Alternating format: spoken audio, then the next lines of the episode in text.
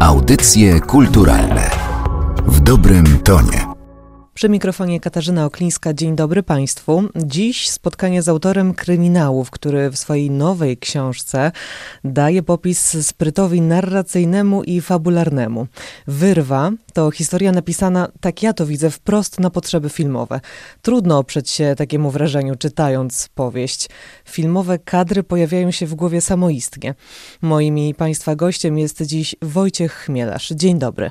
Dzień dobry Państwu. To nie była książka pisana wprost na potrzeby filmu, absolutnie. Ja w ogóle, kiedy piszę książki, nie mam takich ambicji żadnych związanych z, filmem. Zawsze jak piszę książkę, i tak było tak samo podczas pisania wyrwy, moim głównym celem jest napisanie jak najlepszej powieści.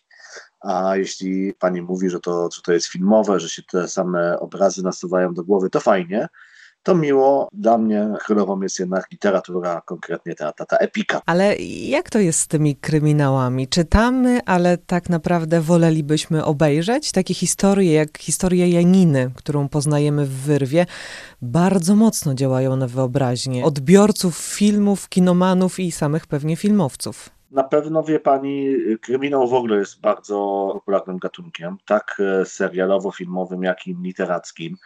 Więc tak naprawdę to nie jest chyba tak, że wolelibyśmy, nie wiem, zobaczyć, tylko i lubimy oglądać, i lubimy czytać. Co więcej, wbrew pozorom mam wrażenie, że te światy filmowy i literacki, wbrew pozorom, właśnie przenikają się bardzo, bardzo rzadko. To znaczy, bardzo rzadko książki są tak naprawdę przenoszone na ekran. Jeśli są, to czasami w ogóle wykorzystuje się jakiś element. Tak jak mieliśmy serial o Walanderze, bodajże z Kennethem Branagiem. Tam wzięto, nie wiem, jedną, dwie postacie, a potem wszystko wymyślono od początku, prawda? Niektóre ekranizacje są w ogóle nieudane i nie, nie ma ciągu dalszego. A mamy też no, mnóstwo, nie wiem, jakichś świetnych kryminałów serialowych które w ogóle nie mają nic wspólnego ze światem literatury, ale to jest wszystko ok, tak? To znaczy fajnie, że istnieją te dwa światy, one są jakoś obok siebie. Na pewno się nawzajem od siebie uczymy, patrzymy na tę historię które co wymyśla, natomiast no, to są jednak oddzielne byty. To powiedzmy trochę o samej fabule Wyrwy. Poznajemy Macieja i Janinę Tomskich oraz ich dwie córeczki, Iwonkę i Basię. Właściwie to poznajemy Macieja, bo dopiero za jego sprawą dowiadujemy się o Janinie, która od pierwszych stron książki nie żyje, więc nie jest to żadna tajemnica. Po prostu zginęła w wypadku samochodowym. Tak jest na początku. Cała fabuła skupia się na tym, jak doszło do tego wypadku. Jak nie trudno się domyślić, sytuacja jest mocno mocno skomplikowana, no i przyznaję, że nie brakuje w niej zaskoczeń. Jak pan myśli, do czytania takich historii zachęca nas chęć poznania prawdy? Kto zabił? Znaczy myślę, że tak. Ta, ta podstawowa, nie wiem, obietnica, mam wrażenie, którą dają kryminały, to jest to, że są one pewną logiczną łamigłówką, tak? Pewnym wyścigiem pomiędzy czytelnikiem a autorem, w którym czytelnik stara się odkryć prawdę, domyślić się prawdę wcześniej niż mu autor to objawi, tak? A z drugiej strony autor stara się tego czytelnika oszukać, ale uwaga, on się stara tego czytelnika oszukać w uczciwy sposób. To znaczy naszym celem jako twórców kryminału jest tak napisanie tej fabuły, żeby dać czytelnikowi wszystkie elementy, które są mu potrzebne do rozwikłania tej zagadki, a równocześnie zrobić to w taki sposób, żeby on tego nie zrobił. Tak? I oczywiście czytelnik najbardziej się, jak jednak zostaje oszukany. Tak? To jest ten efekt, który pewnie nam się kojarzy z tymi najprzyjemniejszymi kryminałami, kiedy na końcu łapiemy się za głowę i sobie powtarzamy, jak ja mogłem na to nie wpaść. Tak? Bo to było przecież takie oczywiste, tak? ale dopiero to widzimy, jak nam ten książkowy detektyw wyjaśni, co się właściwie wydarzyło. Więc to jest na pewno jedna, jedna z przyczyn popularności kryminału, ta, ta, ta, ta warstwa rozrywkowa, bardzo ważna i od tego nie ma co uciekać. A drugą jest, jest coś takiego, że mam wrażenie, że po prostu my jako ludzie mamy potrzebę obcowania z niebezpieczeństwem. To jest jakaś głęboko zawarta w nas ewolucyjna potrzeba ale ponieważ równocześnie jesteśmy rozsądnymi ludźmi, to chcemy z tym niebezpieczeństwem obcować w bezpieczny sposób. I tutaj właśnie wchodzą kryminały na to miejsce i kryminały literackie i, i, kinowe, bo nie ma nic przyjemniejszego niż przeżywania, nie wiem, starcia z seryjnym zabójcą, kiedy się siedzi w fotelu u siebie w domu, popija herbatę, kawę, wino i przerzuca kolejne kartki książki, albo w sali kinowej, tak? Więc wydaje mi się, że to są te, te dwie przyczyny popularności kryminału. Natomiast no, no, no, faktem jest też, że mamy też taką potrzebę poznania prawdy, tak? do, do dążenia do prawdy, rozwikłania tych różnych zagadek. Tak? I jak już zaczynamy czytać, nie wiem, taką książkę jak Werba, to chcemy się wiedzieć, o co tam do diabła chodzi. W tej książce poddaje pan też nieco krytyce, a może po prostu analizuje istotę małżeństwa. Para z dwunastoletnim stażem może sobie zarzucić wiele. E, I chyba stąd wzięła się cała historia z utraty szczęścia, która kiedyś połączyła tych dwoje ludzi. Jednak nikogo pan za to nie obwinia w wyrwie. Ja w ogóle cały czas z braku lepszego słowa i z braku lepszego określenia czuję się za głupi, żeby analizować rzeczywistość. To znaczy, wydaje mi się, że ciągle mam za mało wiem, za mało przeżyłem, za mało rozumiem i jakieś ferowanie wyroków, nawet na, na tych moich wymyślonych bohaterach, to byłoby mm, z mojej strony niestosowne. Natomiast widzę pewne zjawiska, pewne rzeczy, które mnie martwią, na które zwracam uwagę, które wydają mi się ciekawe i je pokazuję w swoich książkach. Tak? Najlepiej jak potrafię, naj, najuczciwiej jak potrafię, a wyciąganie z tego wniosków zostawiam już czytelnikom, więc niech oni zrobią z tym to, co uważają za stosowne. Ja zresztą wie Pani, uważam, że autorzy, pisarze to są najgorsze osoby do tego, żeby interpretować własne dzieła bo jeśli pisarz jest dobry, to wszystko, co miał ciekawego do powiedzenia, jeśli chodzi o daną książkę, to zawarł w tej książce, prawda? najciekawsze rzeczy, jak się dowiedziałem o moich książkach, to się dowiedziałem od czytelników moich, tak, którzy opowiedzieli mi, co o tych książkach sądzą, co z nich wyciągają, e, jakie tam interpretacje do, dokonują. No i, zresztą to jest najprzyjemniejsze dla mnie jako pisarza dowiadywać się, że te książki jakoś no, są przeżywane przez czytelników, filtrowane przez ich osobiste doświadczenia i, i analizowane. To w takim razie nie interpretujmy, tylko wróćmy do początku tej pisarskiej drogi. Proszę nam zdradzić trochę tych pisarskich tajemnic. Muszę zadać to pytanie, które słyszy pan pewnie nieustannie. Skąd bierze pan e, pomysły na kolejne książki? To tylko używam tego słowa tylko w cudzysłowie oczywiście, wyobraźnia, czy przeglądanie bieżących wydarzeń i na tej podstawie konstruowanie historii, bo jest pan można powiedzieć, na początku swojej pisarskiej drogi. Myślę, że jeszcze wiele książek e, pan napisze. Skądś te pomysły muszą się brać? Oby, to znaczy nie jestem chyba na, na początku tej pisarskiej drogi, ponieważ ja zadebiutowałem książką w roku 2012, więc już mamy 8 lat. Ale jeszcze myślę, że kilkadziesiąt lat pisania przed panem. Tak, mam nadzieję, że jeszcze parę książek przede mną. Ale odpowiadając konkretnie na pytanie, to właściwa odpowiedź brzmi nie wiem. To znaczy, na pewno jest tak, jak pani powiedziała. To znaczy, ja nieustannie czytam, rozmawiam z ludźmi, obserwuję zadaję sobie różne pytania, zauważam pewne zjawiska, ale często po prostu z tego nic nie wychodzi. To znaczy, ileś tam rzeczy, mam jakąś bogatą bazę wiedzy w swojej głowie, zaczętych pomysłów, które wydawało mi się ciekawe, ale nie potrafię ich w ogóle przerobić na żadną fabułę. A pewnego dnia, nie wiem, coś się wydarza, coś, coś prostego, coś oczywistego, nagłego, tak? I nie wiem, jakaś taka jedna iskra, i nagle ileś tam tych elementów, które mam w głowie, zaczyna mi się układać w jedną całość, tak? I, I się tworzy z tego cała historia, tak? Pewnie najłatwiej o tym powiedzieć na przykładzie takiej mojej powieści Osiedle Marzeń, tak? która się toczy w Warszawie na takim zamkniętym osiedlu. I to było tak, że ja przez długi czas interesowałem się tematyką osiedli zamkniętych, bo tam się socjologicznie, psychologicznie bardzo ciekawe rzeczy dzieją. Dodatkowo jakoś literacko kojarzyło mi się to z taką zagadką zamkniętego pokoju do kwadratu, to znaczy, że mamy zamknięty pokój, w środku jest trup, do tego pokoju nikt się nie mógł dostać i jest pytanie, jak tam ktoś mógł kogoś zabić, tak?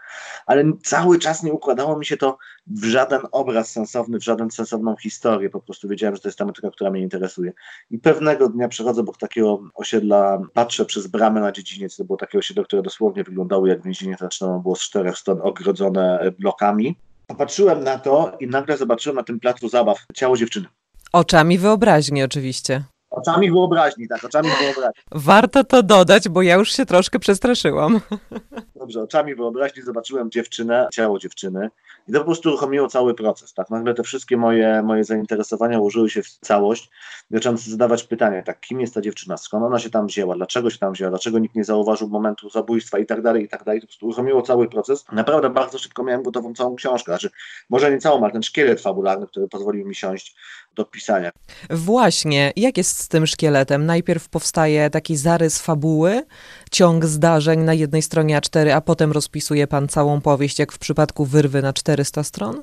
Tak, to znaczy zawsze najpierw powstaje plan powieści, najpierw sobie w głowie układam, co tam ma się właściwie wydarzyć. Tak? Kryminał jest takim gatunkiem, który wymaga precyzji, wymaga logiki, wymaga tego, żeby to było przemyślane. To znaczy, jak ja na końcu chcę oszukać tego czytelnika, czy go zaskoczyć w jakiś sposób, to ja muszę wiedzieć, do czego dążę, tak? I muszę to oszustwo zaplanować, tak? Więc tego, tego się nie da po prostu zrobić pod palca, po prostu trzeba mieć to, mieć to przemyślane. I dopiero jak mam rozpisany ten plan, w przypadku wyrwy, te czynienia przy książki, ten plan był chyba rozpisany na, na, na cztery strony i to miało około 70 punktów, tak, gdzie było napisane, co poszczególni bohaterowie robią i kiedy. I kiedy to mam, to siadam do pisania. Natomiast, żeby nie było tak prosto, to podczas pisania dopiero przychodzą mi najlepsze pomysły do głowy. To znaczy, wtedy najlepiej poznaję swoich bohaterów, bo ich stawiam przed jakimiś konkretnymi e, zadaniami, przed konkretnymi wydarzeniami, e, wyzwaniami, widzę, jak oni na to reagują, widzę, jak się zachowują, widzę, jakim językiem się posługują. I w pewnym momencie widzę, że to, co się z nimi dzieje, nie pasuje mi do planu, ale za to mam inny lepszy pomysł, więc wtedy jest gorączkowa zmiana planu. W tym momencie, kiedy ta historia zaczyna żyć, to, to dobry pisarz idzie za bohaterami, znaczy daje im pokazać, co oni chcą mu pokazać, tak. No w przypadku Wyrwy, na przykład, jak Państwo czytelnicy wezmą, zauważą, jest to moja pierwsza książka, gdzie jest narracja pierwszoosobowa. Natomiast to też nie był taki plan. Ja tą książkę początkowo pisałem tradycyjnie z użyciem narratora trzecioosobowego. Natomiast po napisaniu około 30 stron zorientowałem się, że to nie działa, tak, że...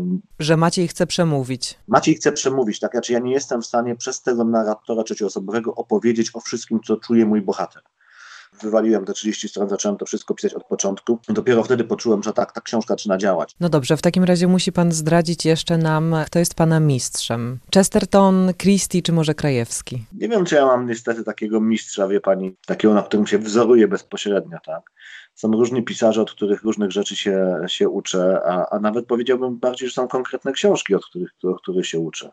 Natomiast jeśli miałbym powiedzieć o takich swoich ulubionych autorach kryminału, takich, których najbardziej, najbardziej cenię, to z klasyków to jest to nazwisko, którego pani nie wymieniła, czyli Raymond Chandler, tak, i mistrz, twórca czarnego kryminału, i, i prywatnego detektywa Filipa Marlowe. Powiem szczerze, ta konwencja kryminału noir, czarnego kryminału jakoś jest mi najbliższa. Chciałbym kiedyś coś takiego napisać, tak? natomiast ja sobie też sprawę, że ona jest bardzo zużyta. Tak? Nam trudno napisać w dzisiejszych czasach cokolwiek, cokolwiek oryginalnego w ten sposób.